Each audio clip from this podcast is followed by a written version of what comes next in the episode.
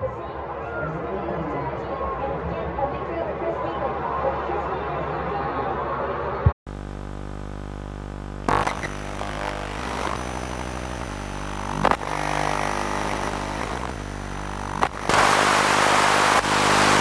Je rekao da neće učestvovati na narednim parlamentarnim izborima koji će biti održani 21. juna. Dugo se Irena prethodnih meseci i po dana govorilo o tome, dakle pre svega imali smo fokus u koronavirusa, ali evo danas kreće polako i ta politička priča. A predstavljanje planova i programa ovaj put odvijaće se u skladu sa epidemiološkom situacijom. Ja, ja verujem u vašu energiju, ja verujem u vaš rad, u vaš trud, ja verujem u Srbiju, ja verujem u svakog srpskog čovjeka i znam da možemo da budemo bolji od drugih. Pokazali smo to prethodne tri godine i to možemo i moramo da nastavimo.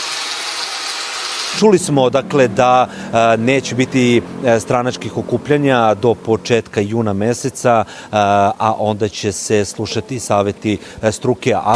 Ni nastupi lidera, programi stranaka, pa ni komentari na nacionalnim online medijima u narednih mesec i po neće ostati van nadzora. Mi verujemo da će ovo biti jako važan indikator toga kako se na javno mnjenje utiče kroz online medije. Na koji način građani bivaju informisani i koje vrste tema dominiraju. Pitanje je koliko se takvim aktivizmom stvara ili briše realna slika, jer partije angažuju, plaćaju ljude da botuju dodaju. Tek što je sa Twittera nedavno uklanjeno više hiljada takozvanih bot naloga koji su isključivo služili za promociju predsednika Srbije, digitalni forenzičari otkrili su novu mrežu bot profila. Ako ste se ikada pitali šta je bota, sigurna sam da jeste.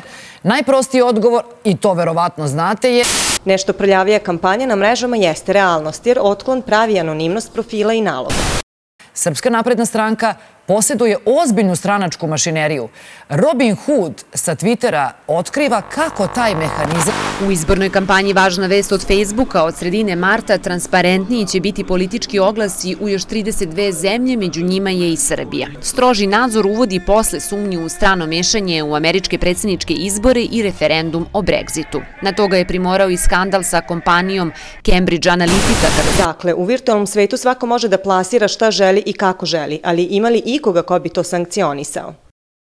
Slušate Share BBS.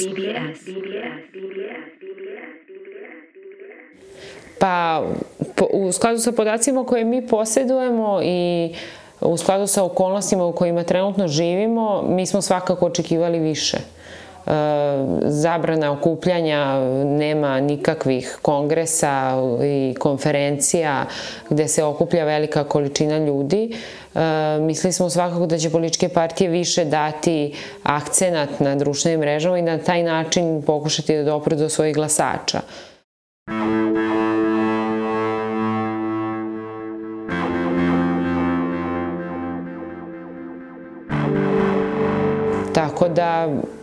Očigledno su strategije neke druge.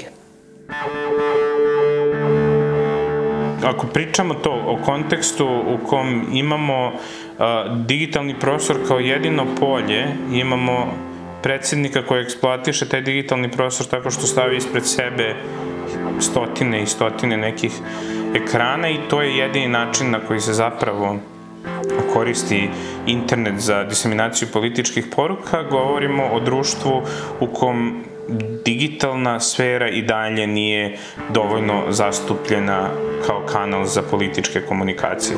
To govori o tome da se ljudi i dalje pre svega informišu kroz tradicionalne medije ili govori o tome da kampanja je bespotrebna zato što se napred zna ko će za koga glasati.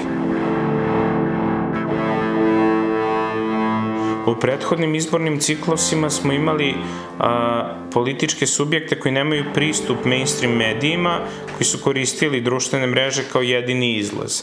Sada vidimo pad i kod njih, što će reći da oni ili su shvatili da ulog u digitalno okruženje, odnosno u reklamiranje putem društvenih mreža nije a, nešto što je svrsishodno ili su njihova sredstva u ovom trenutku ograničenije nego što su bila pre nekoliko godina.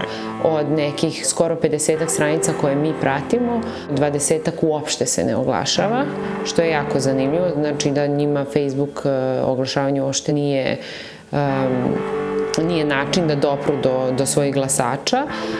Dok, ono što je činjenica je da nismo videli strateški pristup u oglašavanju niko jedne stranke, osim kod Srpske napredne stranke, gde je postojala jasna strategija za proširenje a, glasačkog tela.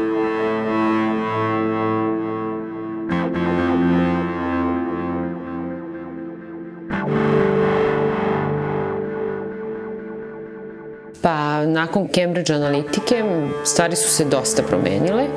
Prvenstveno Twitter je ukinuo političko oglašavanje, a Facebook je uveo neka nova pravila. Ono čemu smo se mi nadali da će ta pravila biti primenjena i na Srbiju, ali nažalost korona je to sprečila.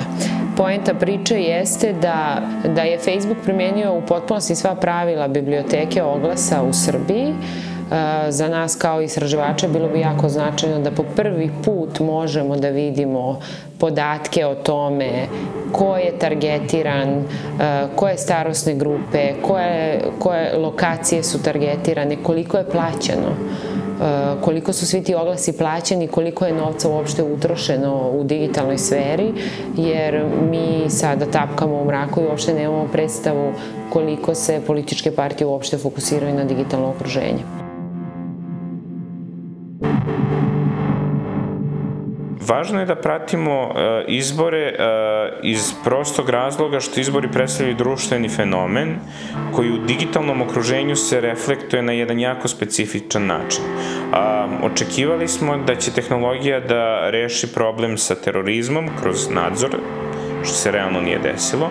Očekivali smo da će tehnologija dovesti demokratiju uh, iz ove perspektive, sa ovim okolnostima, sa Cambridge analitikom u vidu, sa propagandom koja se odvija svuda oko nas lažnim vestima i tako dalje. Mi smo svedoci da tehnologija kao takva nije doprinela demokratizaciji iz prostog razloga što je tehnologija isključivo refleksija društva u kom se ona koristi.